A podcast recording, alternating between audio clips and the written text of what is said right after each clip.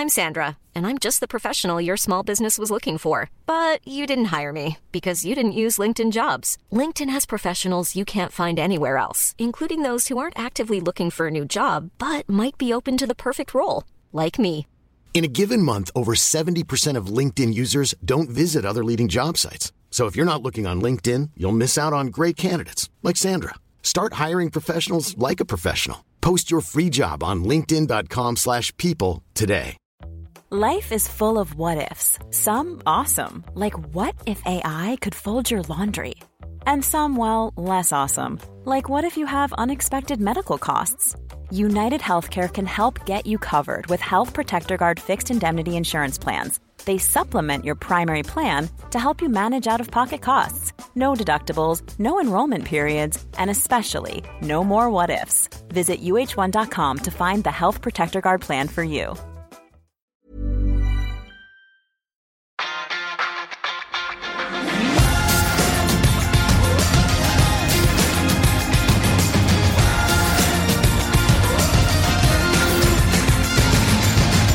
Ball, bloody hell.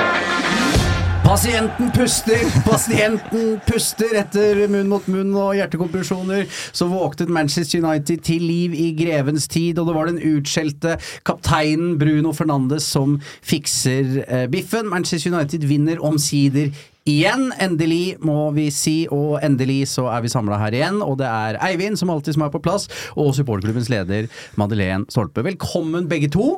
Tusen takk. Takk. Vi begynner hos deg, eh, Madeleine. Du sier at du er en nevrotiker. Eh, hvordan hadde du det da du så denne matchen? Eh, heldigvis så tok jeg en Fredrik og så den i opptak. Du erstatter Fredrik på alle områder. Yes. Ja. Jeg satt på et fly når kampen gikk, og jeg er ikke sånn som klarer å liksom holde meg og ikke vite resultatet. Så jeg visste at vi kom til å vinne, og da Det er en utrolig deilig følelse. Så det tror jeg skal begynne med, faktisk. Fordi eh, hver gang vi da fikk en sjanse imot, så skjønte jeg at dette kommer jo til å gå bra. så det var egentlig ganske deilig. Så det er det minst nevrotiske jeg har vært denne sesongen her. Ja, men så bra. Ja. Du da, Eivind. Eh, Vi, vi sender en, jeg sender en melding til deg eh, rett før Bruno Fernandes skårer at dette er som tap å regne. Ja, med uavgjort Ja, 0-0 resultat. er tap. Ja. Og vi kan jo ta med folk litt tidligere inn i chat nå, for da Det svinger jo fra Nei, dette vinner vi! Dette går veien til Nei. Uh, nei, jeg trekker det tilbake. Uh, og det oppsummerer jo egentlig hvordan livet som United-supporter er om dagen. Vi, vi det, det varierer, uh, også inn, inne i kampene. Men ja, nei, det var en ny great escape. Vi har hatt strafferedning på overtid. Nå har vi hatt ny, ny overtidsseier. Uh, og vi, spørsmålet er jo som alltid, da. Uh, er dette vendepunktet? Var det dette de trengte? Men jeg tenker at det er eh, to ting de bare må ta med seg videre, og det var det vi trengte mest. Selvtillit og litt pusterom. Ja, og jeg føler at den pusten fremdeles er ganske kunstig. Det er litt sånn kunstig koma. Kunstig koma, ja. Eh, Så jeg er, ikke, jeg er ikke beroliget av det jeg så på lørdag, for å si det sånn. Men det er noe med de derre øh, å, å avgjøre seint på overtid foran egne bortefans. Du ser Ten Hag, eh, Gary Neville sier vel har vel aldri sett en så letta manager noen gang. Eh, det er jo noe med den der symbiosen foran uh, egne fans i London der. Det må jo gi de et eller annet. Ja, man skulle jo tro det. Uh, Og det er jo ekstremt mye mer sånn spesielt å vinne på overtid og på den måten vi gjør. Så sa jeg jo det samme etter den strafferedninga mot København at liksom, dette her må jo være en vitamininnsprøytning, og kjenne på den følelsen. Og så går man jo på et par smeller etter det igjen, og så så jeg klarer liksom ikke å tenke at eh, ja, nå kom vendepunktet, nå kommer alt å se så mye bedre ut. Fordi det er jo som Fredrik, nei, som Eivind sier òg, at det, er ikke bare fra kamp til kamp det varierer, det varierer jo fra minutt til minutt i kampen. Jeg sitter der og tenker å, bra start, liksom gode 15 minutter, synd med den annulleringa, men liksom nå er vi på gang her. Og så får vi én sjanse imot, og så bare faller det totalt sammen, og så virker det som vi liksom aldri har spilt fotball før. Så det er ja, jeg blir ikke klok på det laget her. Eh, Men vi har jo egne korrespondenter eh, her i denne podkasten for Lars Morten Olsen. Han var på plass han på Craven Cottage, eh, og der sitter han i Badstueveien igjen, klar til dyst. Lars Morten, kan du ta oss gjennom opplevelsen? Hva, hvordan var det på Craven Cottage da Bruno Fernandes banka inn den der på overtid? Ja, det var ekstatisk. Det var, jeg sto i hvert fall ikke på den samme plassen etter målet som jeg sto før målet, for å si det sånn. Men følte du eh, av stemningen at det kan ha vært et vendepunkt, med tanke på måten spillere feira på, liksom sammen med egne fans? Jeg gjorde det etter kampen. Eh, nå vet vi aldri hvordan det hadde blitt hvis det hadde blitt 0-0. Eh, men eh, jeg var imponert over Red Army, den 17 gjennom absolutt hele kampen. Det er klart at I pausa så hørte jeg folk snakke sammen at de var ikke helt 100% fornøyd, og sånn, men under kampens gang så var det full støtte. Eh, og Ten Hag han så mildt sagt letta ut etterpå. Han gjorde det, og det var han jo ikke alene om, da, men, eh, men eh, med god grunn. Fordi det var en viktig seier, og som du sier, det kan være vendepunktet. Nå er det ikke meningen å si at du er gammel, Lars Morten, men du har vært med en stund. Kan du prøve å forklare litt stemninga rundt Manchester United nå? Hvordan de som er, har gått på disse matchene i årevis, føler med, tanke på managerens posisjon og sånne ting? jeg tror nok de kjenner litt på en frustrasjon. Og det skyldes, tror jeg, mye pga. eiersituasjonen og at det ikke blir noe avklaring der. Nå nærmer vi oss vel ett år siden Glazer varsla at salg uh, var en mulighet. de garanterte aldri for noe salg, men de sa at det var en mulighet. Og folk er lei av å vente nå. Et av bannerne på bortetribunen eh, Lars Morten var jo 'Play like you mean it'. Hvordan var det å se dem eh, med dine egne øyne? Syns du at det, det, er en gnist der? Nei, den, den gnissen, den var uh, i hvert fall sånn av og på. nå var det, vet ikke om dere hørte det fra hjemme på TV, men det var jo underveis der eh, hvor vi sang 'attack, attack, attack'. Og det er en stund siden jeg har hørt, og det, det, er en mening bak det. Når de synger det, da er de ikke fornøyd. Det er veldig bra, Lars Morten. Vi er i hvert fall veldig fornøyd med deg. Du er lykkeamuletten. Vi må sende over deg hver eneste helg. Pantsett huset. Og så, uh, så reiser du hver eneste gang. Tusen takk til Lars Morten Olsen. When the seagulls follow the trawler, it's because they think sardines will be thrown Ok, men det er i hvert fall eh, Bruno Fernandes som blir eh, matchvinner. Roy Keane stilte spørsmål hva han etter eh, Manchester Derby, mente at han ikke var skikka til å være kaptein for denne fotballklubben. Det var vel særlig viktig at det var han, Madeleine? Ja, altså jeg unna jo han det. Eh, og jeg har heller ikke vært en av de som har lovprist han for enhver pris, for å si det sånn. Jeg syns, det veit vi jo alle, at han har ikke vært i den formen som han var i starten. Og han har et kroppsspråk noen ganger som ikke er veldig oppløftende. Men herregud, han fortjente den. Og man kan diskutere hvem som er best egnet til å være kaptein på det laget der, men det florerer jo ikke med lederskikkelser, sånn som det gjorde på 90-tallet når eh, Keane og gutta spilte, liksom. Så hvis ikke Bruno, hvem andre? Og det var jo helt tydelig at det betydde ganske mye for han å sette den kula der i mål òg, så det var, det var, deilig at han fikk den. For apropos Keane, Roy Keane with a captain's goal, uh, og det var jo litt dette her som det føltes Måten han tok ansvar på i den sekvensen det, det, det, jeg, jeg mulig, jeg, mulig jeg leter for mye, Eivind, men jeg følte det var noe symbolikk der, da. Jeg syns jo nesten det er Pelistri som tar uh, ansvar der. Uh, jeg vet ikke hvor mange målgivende pasninger han er registrert med på den skåringa, men han vinner ballen så mange ganger. Men at det er han som setter ballen i mål, det, det er noe symbol, symbolsk og deilig over det. Jeg har jo hatt en sånn liste over Uniteds siste målskårere, og det har jo vært eh, Stort sett McTominay og Maguire og de du ikke tror skal uh, vippe kampen i Uniteds favør. For Bruno Fernandes sin del så har han skåra tre mål uh, den sesongen her. Alle har vært matchvinnende skåringer. Så han står jo fram i så måte. Uh, og så syns jeg det er litt sånn Jeg skjønner på et sett og vis hva Roy Keane mener, og hva det var snakk om etter den Liverpool-matchen med kroppsspråket hans. Men jeg tolker det, og nå skal ikke jeg påberope meg at jeg kjenner Bruno Fernandes uh, så mye bedre enn alle andre, men det jeg ser, er jo bare en, en, kaptein som vil veldig, veldig mye, og han klarer ikke å måte, maskere sine følelser.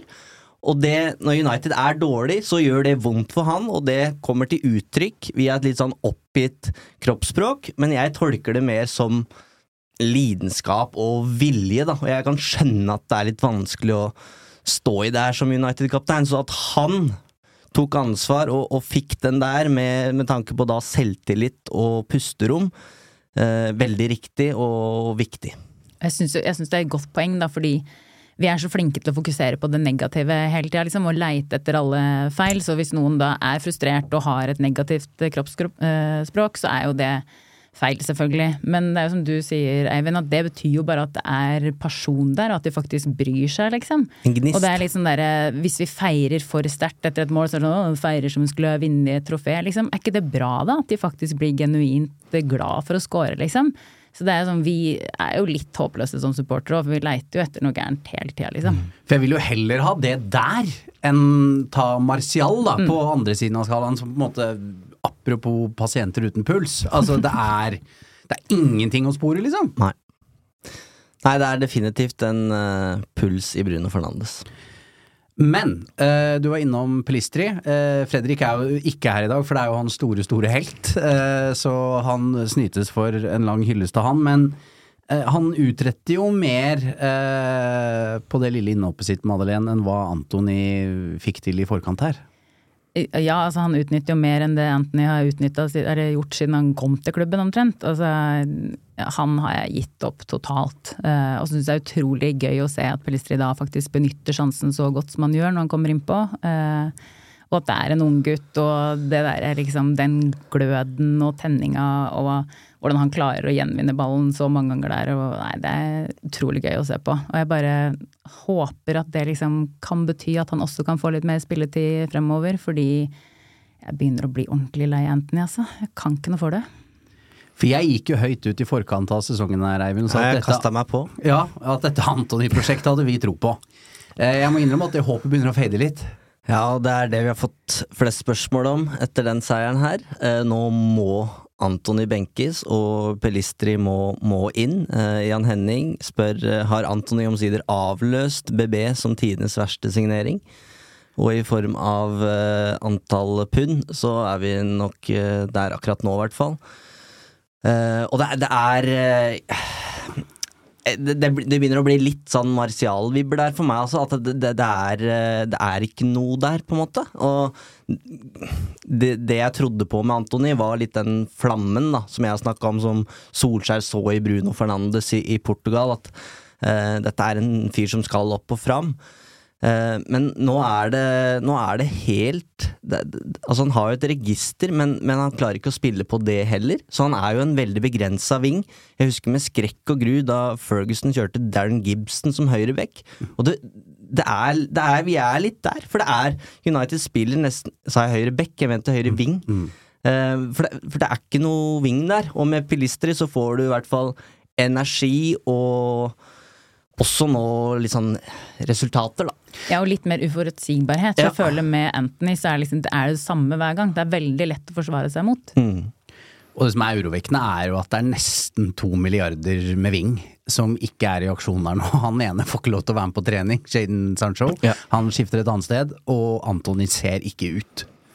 Nei, og han har, syns jeg, blitt på en måte symbolet på den gjørma som vi nå har tråkka i hele høst, fordi det var den ene store signeringa som Ten Hag klubba gjennom. Den skulle han ha, og den fikk han.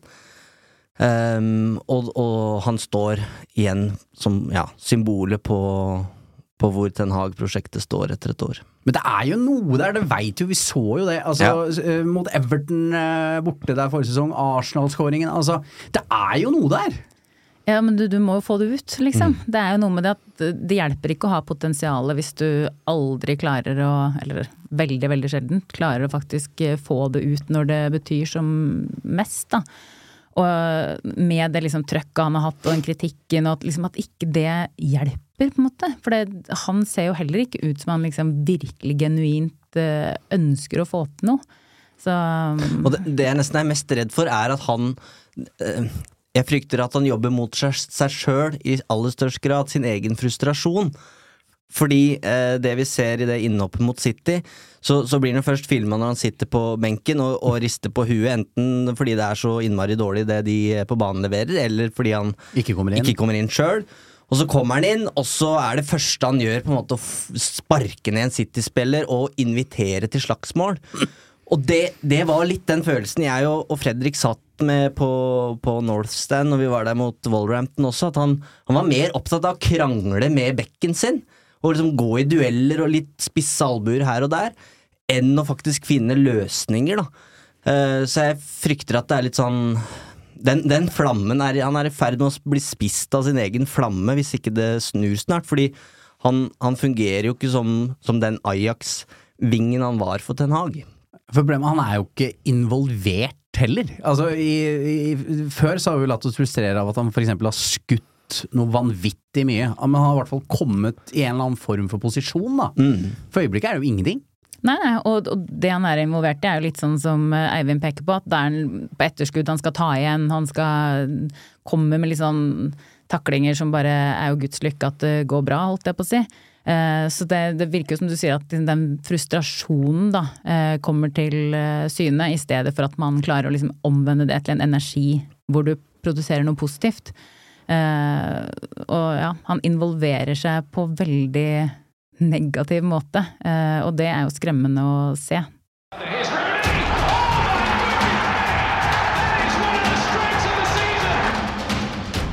Men eh, jeg gir meg ikke med denne pulsen i dag. En hvor hjertet slår, det er hos Harry Maguire. Fordi eh, han som eh, alle ønska vekk i, i sommer, han sto på sitt. Han skulle bli, han skulle ingen steder. Han ville spille seg inn på Manchester United igjen. Han er Uniteds beste spiller for øyeblikket.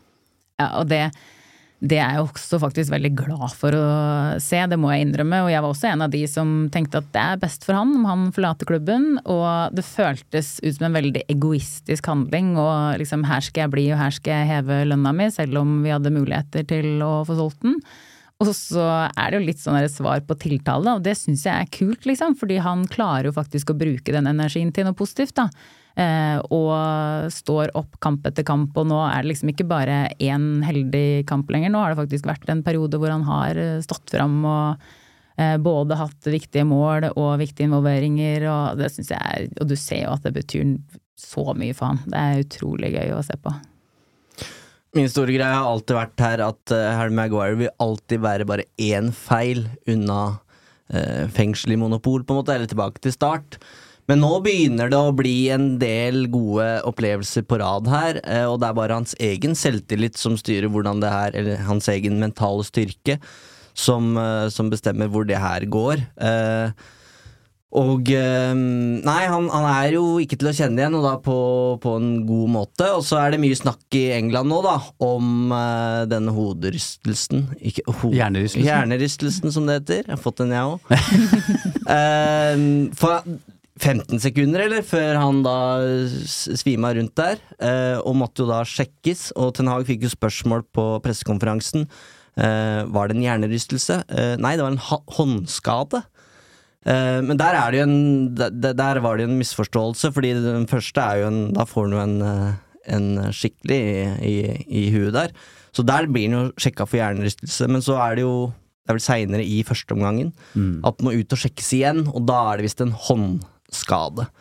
Og så er det jo litt Nå skal ikke jeg bli eh, Vi skal ikke bli konspirasjonspodden her, men hvis, den, eh, hvis Maguire går ut med hjernerystelse, så er han jo ute i ti dager, tror jeg. Det, da er du pålagt. eh, Han har vært nok et mørkt rom fra før, syns jeg, så det håper jeg han slipper.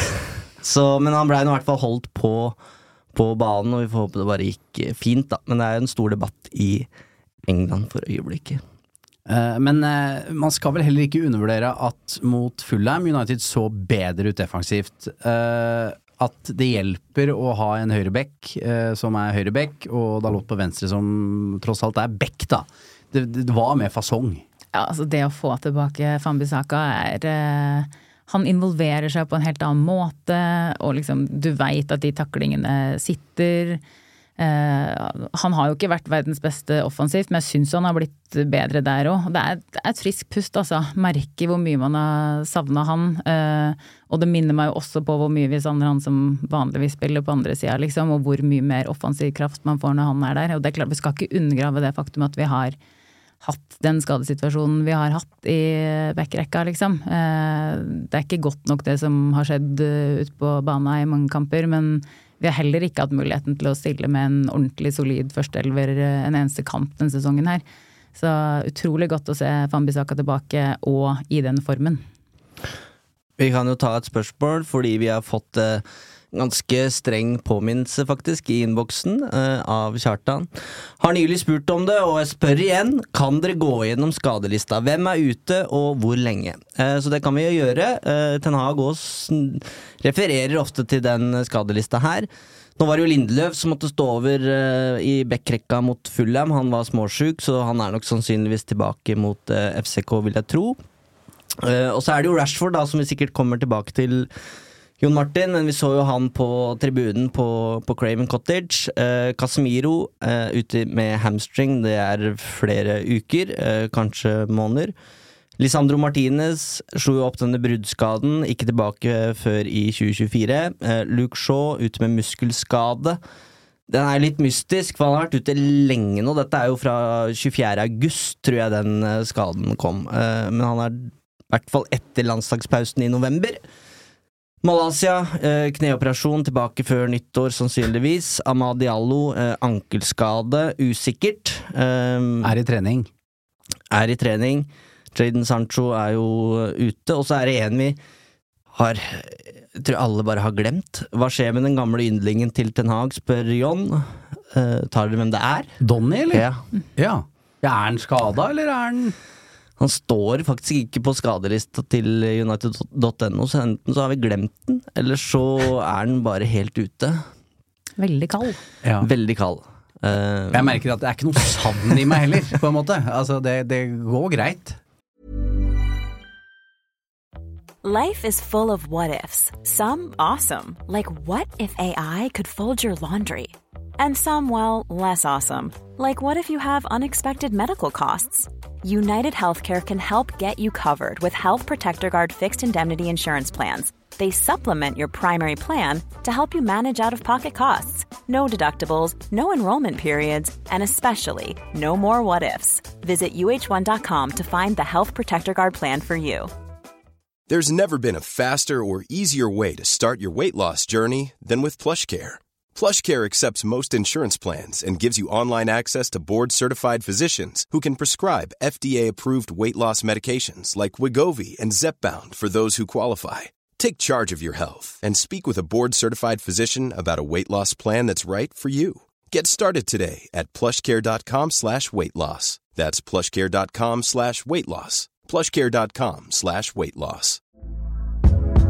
Hey there, it's Michelle Norris. I'm host of a podcast called Your Mama's Kitchen. When I travel, I'm usually looking for a way to find a taste of home when I'm not at home. And one of the things I love to do when I am at home is entertain. And Airbnb allows me to do that. When I was in California recently, I rented a house that had a great kitchen. And when we were sitting around the table, we we're all thinking, we're in someone else's house. Someone could be in all of our homes as well. If you have a home, but you're not always at home, you have an Airbnb. Your home might be worth more than you think. Find out how much at airbnb.com/slash host. Ja, han hadde vel ikke liksom stått øverst på lista over de som hadde løfta midtbanen midtbana uansett. Men, eh, men det er jo litt sånn trist at man nesten glemmer at han spiller for oss, liksom. mm. Eh, men, Det skulle jo eh, være Ten Hags første signering. Den Mm. var jo allerede i klubben. Men eh, det som er interessant, da, er jo at eh, riktignok Casemiro ute med skade, men midtbanemennene som Erik Den Haag har henta, er jo ikke i aksjon. Altså eh, Amrabat på benken og Mason Mount på benken. Ja, eh, og jeg veit nesten ikke jeg håper å si, hva som hadde hjulpet. Og, og jeg skjønner jo fremdeles ikke helt planen med Mount og når han skal komme til sin eh, rett, liksom. Eh, men det er litt skremmende, eh, for Ten Hag er jo den som har fått inn liksom flest av sine virkelige ønskesigneringer. Som man da skulle tro at faktisk ville gitt en effekt. Eh, vi har jo vært et lappeteppe av et eh, lag og en stall i mange år nå, og har liksom båret preg av at vi har hatt mange ulike managere og ikke noe sportslig apparat på toppen. Men nå har han snart en full førsteelver med egen, egne ønsker. Eh, og så spiller de ikke engang. Og de som spiller, funker ikke, liksom. Så um, det er jo kanskje det som er mest grunn til bekymring. den midtbanespilleren som skulle selges i sommer, han spiller. Og han som skulle inn til, for enhver pris, virka det som, han, han sitter på benken. Og det er ille for, eh, for Ten Hag. Eh, og så tror jeg jeg veit hva forklaringa hans er. Det er det vi nettopp har snakka om. Skadene. Og da ikke i midtbaneleddet, men i Forsvaret. Eh, men da blir Da kommer det nye spørsmål, da. For hvorfor skal Varan spille foran Johnny Evans, eksempel? Hva er begrunnelsen for det? Eh, men han finner jo ingen eh, løsning nå, og det, det jeg syns er vanskeligst å akseptere her. Vi, vi har blitt fortalt tidligere, jobba med en stor overgangssak om hvordan United jobber på overgangsmarkedet for et par år siden. Og Da ble det sagt ganske tydelig at her jobber vi med én signering av gangen, og vi begynner med den viktigste. Og skal vi ta utgangspunkt i at de fortsatt jobber på den måten, og det tror jeg vi skal gjøre, så var Mason Mount førstepri i sommer. Og kan for så vidt applaudere at de fikk den eh, gjennom etter tøffe forhandlinger med Chelsea, men når du da eh, får inn han egentlig før preseason, og, og man kommer var jo med til se- Oslo, liksom. Ja, kommer til sesongen, og, og det er ikke noe Det virker ikke som det er noe plan der, og han flyttes rundt som en brikke som ok, skal spille i en midtbanetoer, eller, eller er han en fremskutt, eller er han på høyrekanten? Så, så han nå må jo lure på hva hva, hva, er det som, hva er det som skjer her? Hva var planen med å, med å hente inn meg her? Skal ikke jeg ha en, en, en, en rolle her? Og det er ikke det at Mount er det store problemet nødvendigvis på, på midtbanen, men det er ikke noe stabilitet der. Altså Casemir er inn og ut, og Amrabat har vel hatt sin beste kamp som venstreback. Så det er bare en sånn kambal som bare Og jeg maser om det, men vi, vi har ikke Hvem er den beste midtbanesigneringa United har gjort når de skulle erstatte Scholes og Keane? Altså det Ander Herrera. Ja, ikke sant? Det må være det. Fellaini er eh, free agent nå. Ja. Ja, der har vi løsningen. Ja, ja, ja. Det var godt du sa. Eh, Men jeg, jeg, må mener at hadde, liksom når han er en prestisjesignering, som Mason Mount er, for han var jo det, altså, eh, og det var mange andre som ville ha Mason Mount fordi han er en jæskla god fotballspiller, da. Eh, Da tenker jeg at gi han en mulighet til å spille seg god, iallfall. Jeg, jeg syns det er rart at han ikke han her skal jeg få til å funke banna bein, for det er jo det han holder på med med Antonin. Han, Antonin spiller uansett, han, virker det nå. Hvorfor gjør han ikke det med Mace Mount?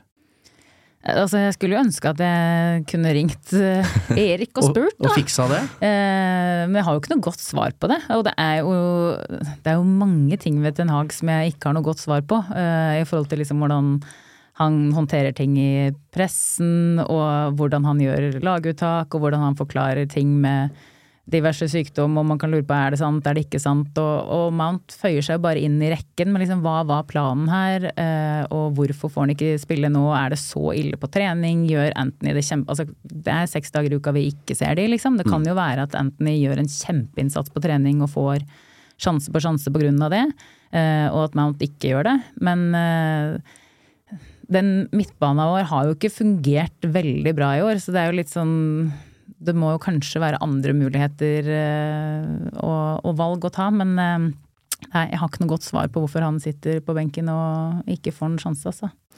Du har mange spørsmål til Ten Hag, Madeleine, og det har lytterne våre òg. Skal vi ta de nå? Gjør det. Ja. Klopp, Pep, Arteta og nå Ernst klemmer på spillerne sine. Er Ten Hag for kald og kynisk, spør Vegard.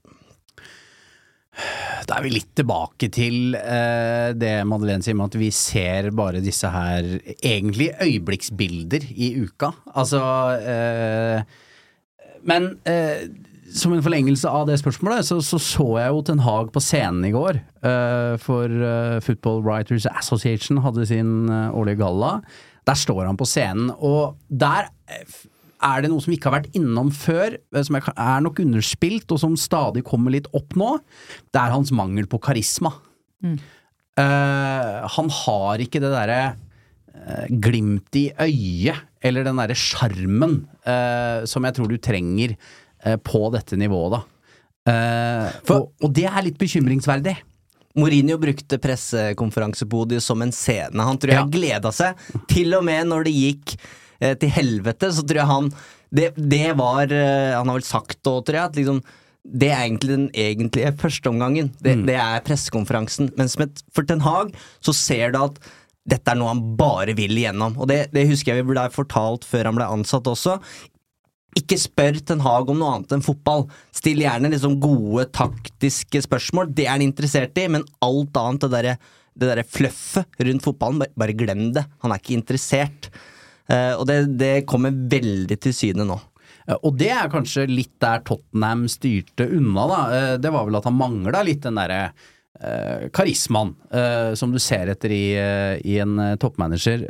Og det er kanskje det som bekymrer meg mest. Jeg, betviler ikke hans fotballfaglige evner at all, men holder han de derre glødende teamtalksene i garderoben? Det begynner jeg å være Jeg har tenkt mer på i det siste enn jeg har gjort før, da. Ja, og det er litt sånn eh, Det var jo en av de store ankepunktene, at han er en dårlig kommunikatør, liksom. Og så kan man tenke at ja, ja, men hvor viktig er det? Han skal trene et fotballag, liksom. Så lenge han har fotballfaglig forståelse, så er det det viktigste. Men det handler jo ikke bare om det. Man leder jo folk, liksom. Mm. Det er, det er Han er jo arbeidsleder, Ja, ja, han er jo det. Og folk er ulike. Noen trenger omsorg og støtte, noen trenger å bli pusha og utfordra. Det er liksom det derre man management-greiene som jeg er litt usikker på om han uh, har de samme kapabilitetene til som veldig mange av de liksom ordentlig gode managerne. Vi hadde jo den beste i verden. Ja, ja, vi hadde jo det, så vi har jo vært bortskjemt, liksom. Men uh, den der forståelsen av at du må behandle folk uh, ulikt, og at du må liksom tilpasse både kommunikasjon og lederstil og, og som du sier, Jon Martin, i forhold til liksom den derre motivasjons... Å liksom klare å inspirere, eh, og få folk til å liksom stå fram som ett team og tro på det samme, og jeg får jo ikke liksom sommerfugler i magen av å se på fyren. Nei, for jeg må innrømme at jeg gidder jo ikke å se intervjuene med han. Altså Før var jeg alltid sammen med managere, eh, og der var jo Solskjær for eksempel også veldig undervurdert i, i, i måten han kommuniserer både internt og eksternt. Eh, han eh, hadde det glimtet i øyet, en eller annen kommentar, var, hadde ganske god kontroll da, i de pressekonferansesettingene. Og så kom jo han også under et voldsomt press til slutt. Uh, men, uh, og det tror jeg også Steve McLaren er mye av hans jobb da, på treningsfeltet, er nok å være han blide, eh, ta hånda, armen rundt en skulder og sånne ting. Men eh, jeg t- bare skulle ønske jeg kunne se et eller annet i Erik Den Haag. Måten han eh, For han er jo en sirkusdirektør her. Mm, ja, For det største tivoli i byen. Ja, og han skal få elefantene og Ja. klovnene til å faktisk jobbe sammen, liksom. Og det, det er vanskelig å få til det uten at man liksom klarer å samles om et felles mål og noe som liksom virkelig gir sånn glød, da. Eh, og så er det vanskelig å finne noen som har hele pakka, liksom. Det er jo litt sånn eh, det kommer jo alltid etter et par-tre dårlige kamper, så er det sånn hvor lenge får Ten Hag eh, sitte? Eh, men det er sånn, hvem andre utrolig gode managere er det som ligger der og venter på en ny sjanse, liksom. Så um, ja. Det er vel andre ting som er viktigere kanskje enn akkurat hans kommunikasjonsferdigheter, men jeg, jeg tror vi har undervurdert litt hvor viktig det faktisk er, da.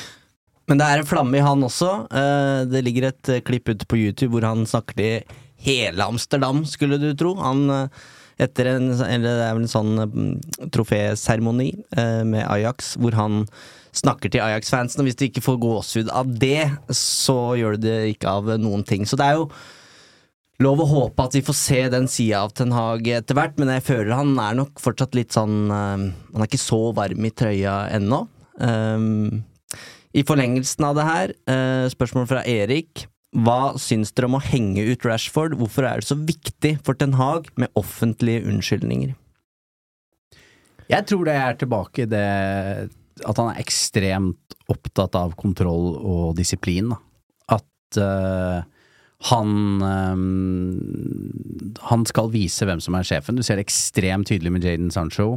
Uh, det funka jo uh, med Rashford forrige sesong i Wolverhampton da han kom for seint, ikke får starte. Reaksjonen er at han kommer inn og scorer og blir Og sa det sjøl i intervjuet. Jeg, Ja. jeg spilte ikke fordi jeg var for sein. Ja.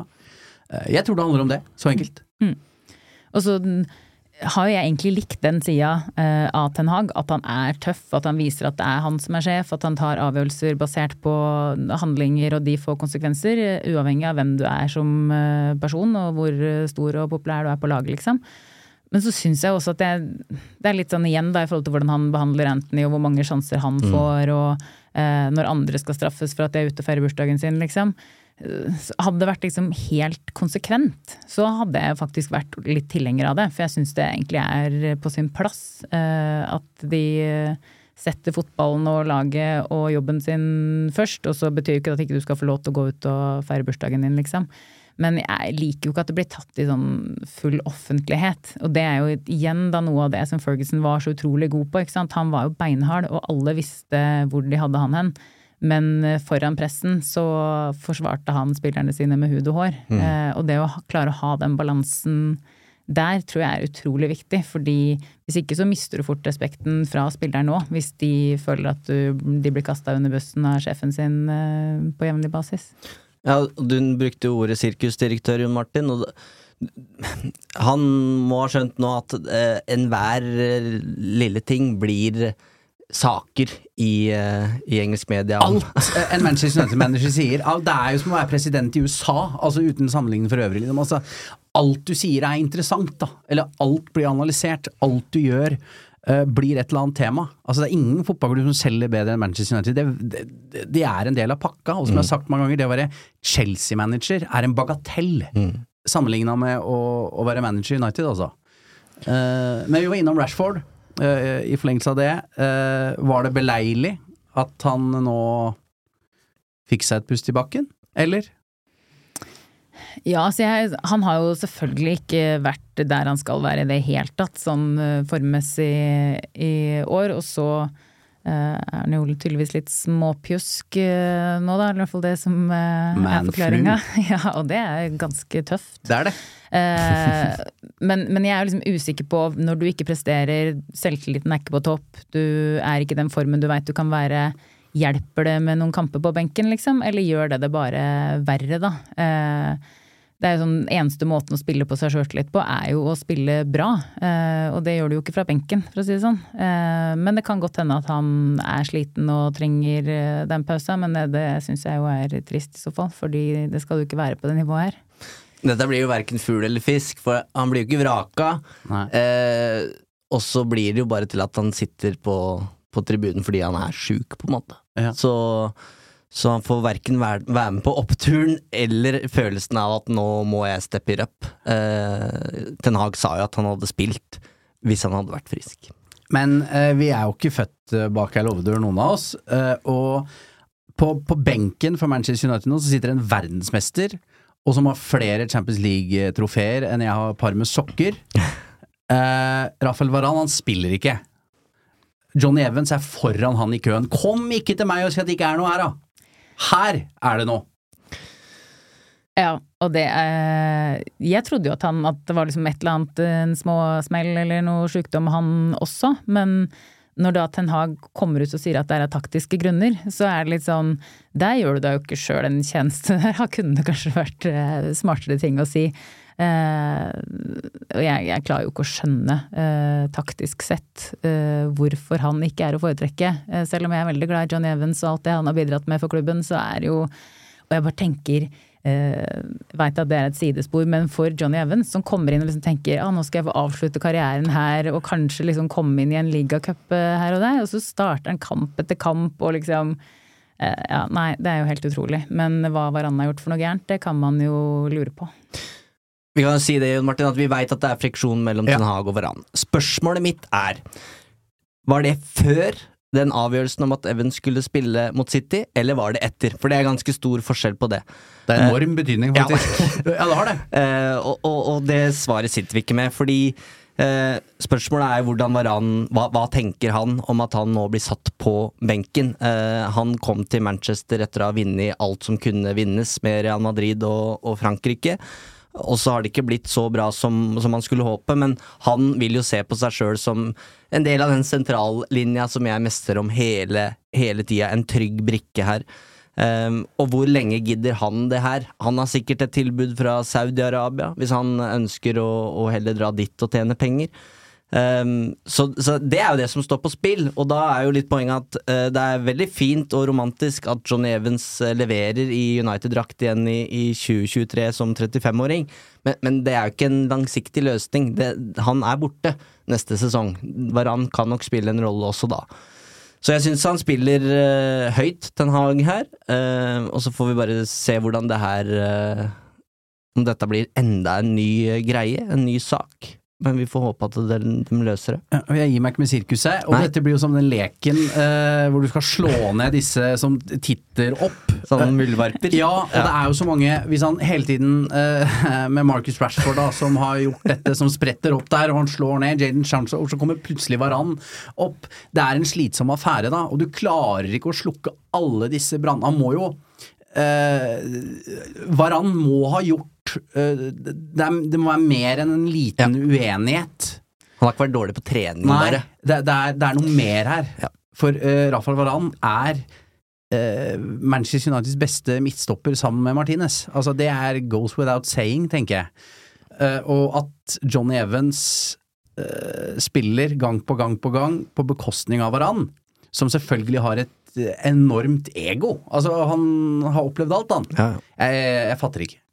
Nei, Vi får jo håpe at det er noe ordentlig alvorlig der. Fordi hvis, det, hvis Ten Hag er så liksom petty at det bare skal småting til for at eh, folk blir benka, da skjønner jeg jo Da har vi et enda større problem, og vi har nok problemer, for å si det sånn.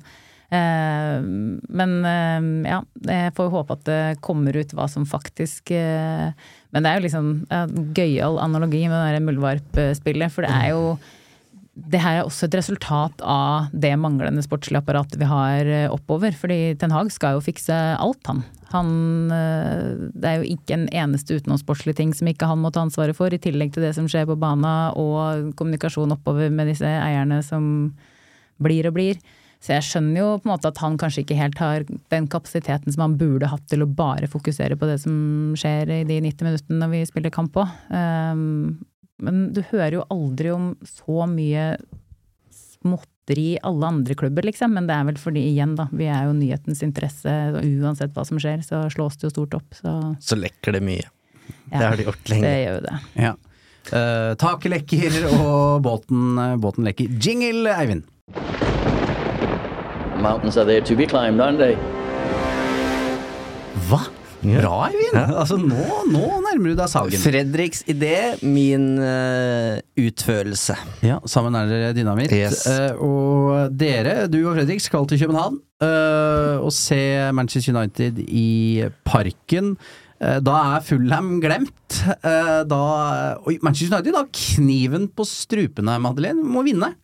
Ja ja, vi må jo det. Og vi har jo ikke gjort det noe enkelt for oss sjøl med den starten vi har hatt, liksom. Uh, og jeg satt jo hjemmekampen mot eh, København, og når det så ut som eh, det kom til å gå eh, raka veien òg, så tenkte mm. jeg sånn Da kan vi like gjerne bare droppe resten av kampene. Jeg orker ikke Europaligaen. Da kan vi like gjerne bare konsentrere oss om hjemlig liga, liksom. Og så redder jo Onana, da. Og så har man jo trua igjen, ikke sant. For jeg er jo idiot. Så nå er det sånn, ja, men dette kan gå veien. Uh, men altså, jeg, ja, vi må vinne. Men jeg, det betyr ikke at jeg tror at vi kommer til å gjøre det, altså. Bare tanken på et sånt europaligakjør på nyår, Eivind. Åh, oh, oh, oh, Det er eh, Den syns jeg er tøff å bare tenke på at ligger der. Ja, Vi er privilegerte som får lov til å jobbe med Manchester United, men vi har vært ærlige på at det kan være mandagsmorgener det er litt tungt å dra seg til stadion. Eh, ikke til stadion, men til studio. Eh, å dra seg hit på en fredagsmorgen. Igjen. Ja. Og så veit du at den veien til den finalen er så lang. Vi mm. skal i alle kriker og kroker i Europa før man kommer dit. Eh, og heller ikke da så vil vi være helt sikre på om det blir pokal, fordi det er en god mo Nei, jeg stopper meg sjøl. Uh, 104-delsfinale og ja. sånn. Ja, det, er, det er et evighetsprosjekt. Den FCK-kampen. Men uh, nå er hver eneste match en en finale. Og som du sa, Fulham er glemt, og det, det, må de. De må ta med seg selvtilliten, men sånn De kan ikke stå for lenge i kampen som nettopp er spilt. Eh, og så blir det her også en sånn kjempevrien match. FCK eh, imponerte sportslig på Old Trafford, de som var på banen. Eh, de 2000 danskene som var, var på tribunen, de eh, imponerte meg og mange fra Manchester. Og de har nå vunnet tre matcher siden, siden de tapte 1-0 på, på Old Trafford, og kommer Altså, eh, de, de er så hevngjerrige at jeg tror ikke vi helt eh, kan, kan fatte det engang. Så det blir det er rart å si det, på en måte at United skal til Parken om å kjempe om med nebb og klør for å få med seg tre poeng, men det, det, er, det er bare å forberede seg på. Jeg er ikke trygg i det hele tatt. Det er ikke et fiber i kroppen min som jeg tar for gitt at United vinner i, i København. Nei, og jeg tror jo at København har trua på at de kan ta det òg. Det, er jo Ja. sånn, er den store forskjellen her. At før når vi møtte den type lag, så var de sånn Kanskje det er en milliondels sjanse for at vi kan få med oss noe her, mens nå kommer jo motstandere og møter oss og tenker at dette her kan vi ta, liksom. Dette er ikke noe godt lag, så disse her kan vi liksom Ja, Alle som står i en spillertunnel eh, med United nå, lukter jo blod. Og med rette, dessverre, liksom. Eh, At de har troa på at de kan vinne, det viser seg jo at eh, det faktisk kan. Eh, og det er så Det er ikke rart man blir nevrotisk, liksom, for du går jo inn i hver eneste kamp og har nervene utapå kroppen og aner ikke hva du kan forvente, liksom. Og så ser man positive tendenser og begynner å få trua, og så kommer det et mål imot, og så er man helt i kjelleren igjen, og så Jeg får jo ME av å se på disse kampene, det er jo slitsomt. Det er det. Uh, følelsen når du setter deg på denne flymaskinen til København, har du troa, Eivind? Uh, forsiktig optimist. Uh, vi, vi skal ikke glemme at vi kommer fra en seier, da. Og Johanna spør topp tre positive ting å ta med seg, og det kan jo være en fin øvelse for oss før den matchen her. Hva, hva er det som kan gi noe håp her, da? Det, hvilke trender så vi på Craven Cottage? Jeg syns de så bedre ut enn de har gjort i de foregående matchene. Jeg syns det var bedre fasong uh, over United. Uh, trygt. Det er forsvarsspillere som spiller i forsvar. Uh, det er en start. Og at de ikke ga seg. Altså, de fikk en de fikk en god opplevelse. Kapteinen fikk endelig et mål som var matchavgjørende. Eh, Harry Maguire ser bra ut. Onana har flere gode opplevelser eh, etter hverandre nå. Syns han har rar redningsteknikk, men det er for en annen pod. uh, men Som en katt. Ja, Uh, men eh, vi må jo bare klore oss fast eh, til det lille som er, og United vant i London. Ja, og så er liksom eh, den Jeg syns intensiteten var hakket bedre, liksom. De var mer oppe og prøvde å hjelpe hverandre og gjenvinne ball og det er fremdeles liksom ikke et tempo jeg lar meg imponere over, men eh, jeg syns det er bedre enn det jeg har sett de siste kampene. Så, og så er det Fambisaka, eh, som også er god å ha tilbake, som jeg vil trekke fram. Og et plusstegn til er at jeg så ingen tegn til mytteri. Det er også viktig. Altså sånn ja. For hvis United hadde tapt på lørdag, gud bedre, eh, det hadde vært uh, seigt her i dag. Eh, og da hadde de der spørsmåla til Ten Hag vært eh, voldsomme nå. Ja. Og Play, den, og, den, ja, og den kampen i eh, parken hadde vært grusom, liksom. ja. play like you mean it, og det gjorde de for så vidt. Og så tror jeg det er to dansker for United det som kan eh, spille hovedrollen i parken. Um, det var veldig mange som hadde følelsen at Høylund skulle score mot Fulham, at nå skjer det.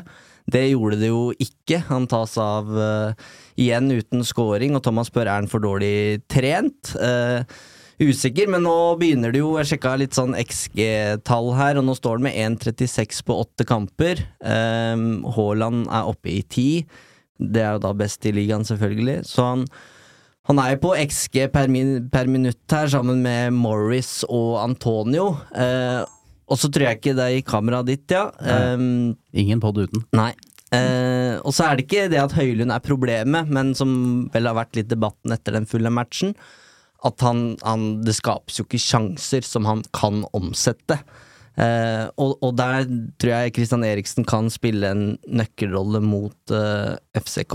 Eh, og så får vi se. Det har i hvert fall vært veldig gøy om Rasmus Høylund fikk en opptur i form av eh, ny Champions League-scoring i sin gamle lekegrind. Ja, altså det hadde jo vært som eh, Vi snakka jo om det før eh, hjemmekampen, at det er liksom sånn skrevet i stjernen at han skal Mm. score her, men det er jo enda mer skrevet i stjernen at han skal score i parken, liksom. Og det hadde vært uh, utrolig gøy. Og så syns jeg ikke vi skal lese altfor mye inn den statistikken uh, når det kommer til skåringer, fordi han bidrar med mye annet. Han, er, han involverer seg aktivt i spillet på en annen måte enn eksempel Martial. Mm. Eh, Jeg syns jo det er rart at han byttes ut kamp etter kamp òg, fordi han er jo ung og frisk og bør ha masse juice i beina, liksom. Eh, Men det er jo som du sier, Eivind, han får jo ikke bøtter og spann å jobbe med heller. Det er et heller. system som ikke Så, fungerer. ja. Det er jo knapt et innlegg i boks. Mm. Så det er eh, Nei, det er, det er vanskelig. Men det som ikke er vanskelig, vi må kan si Eivind, vi skal på tur. Vi, du er jo en jetsetter, du reiser jo hele tiden. Eh, Men hvis du eh, er United-fan og skal på Luton i helgen, så skal vi ha livepod i Manchester på fredag, vi. Ja, det blir stas. Det gleder vi oss til. Så det blir en oppladning til Luton-matchen for de som er, eh, er på tur, enten med supporterklubben eller som eh, reiser aleine. Møt opp på Crown Plaza fredag klokka sju. Så kjører vi en uh, podkast der. Det, det, er nok å snakke om, og det ble veldig god stemning på Eldorado til tross for resultatene vi sto i dag. Så det blir gøy uansett, det tror jeg vi kan love. Det blir Jeg det. fikk jo gleden av å overvære dere direkte på Eldorado, og det var veldig, veldig bra. Så jeg vil oppfordre alle som er i Manchester til å ta turen og høre dere live. Åh, det blir eh, bra. Eh, dere skal eh, reise til Danmark, du og Fredrik Eivind. Dere lager podkast derfra. Eh, neste episode etter der igjen lages fra Manchester, Oi, så nå oi, oi. mener vi alvor her, altså, folkens. Eh, så vi krysser fingra mot eh, FCK og at Champions League-drømmen lever videre. Takk til Madeleine og takk til Eivind. Takk for deg som har hørt på. Vi høres igjen snart.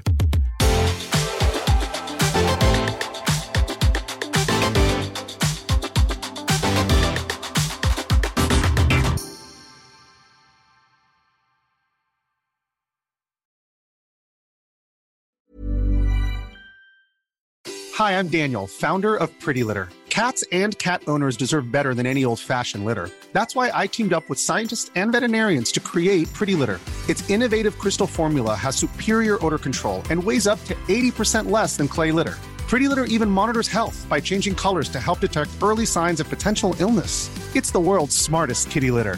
Go to prettylitter.com and use code ACAST for 20% off your first order and a free cat toy. Terms and conditions apply. See site for details. Planning for your next trip? Elevate your travel style with Quince. Quince has all the jet setting essentials you'll want for your next getaway, like European linen, premium luggage options, buttery soft Italian leather bags, and so much more. And is all priced at 50 to 80% less than similar brands. Plus, Quince only works with factories that use safe and ethical manufacturing practices. Pack your bags with high-quality essentials you'll be wearing for vacations to come with Quince. Go to quince.com slash pack for free shipping and 365-day returns.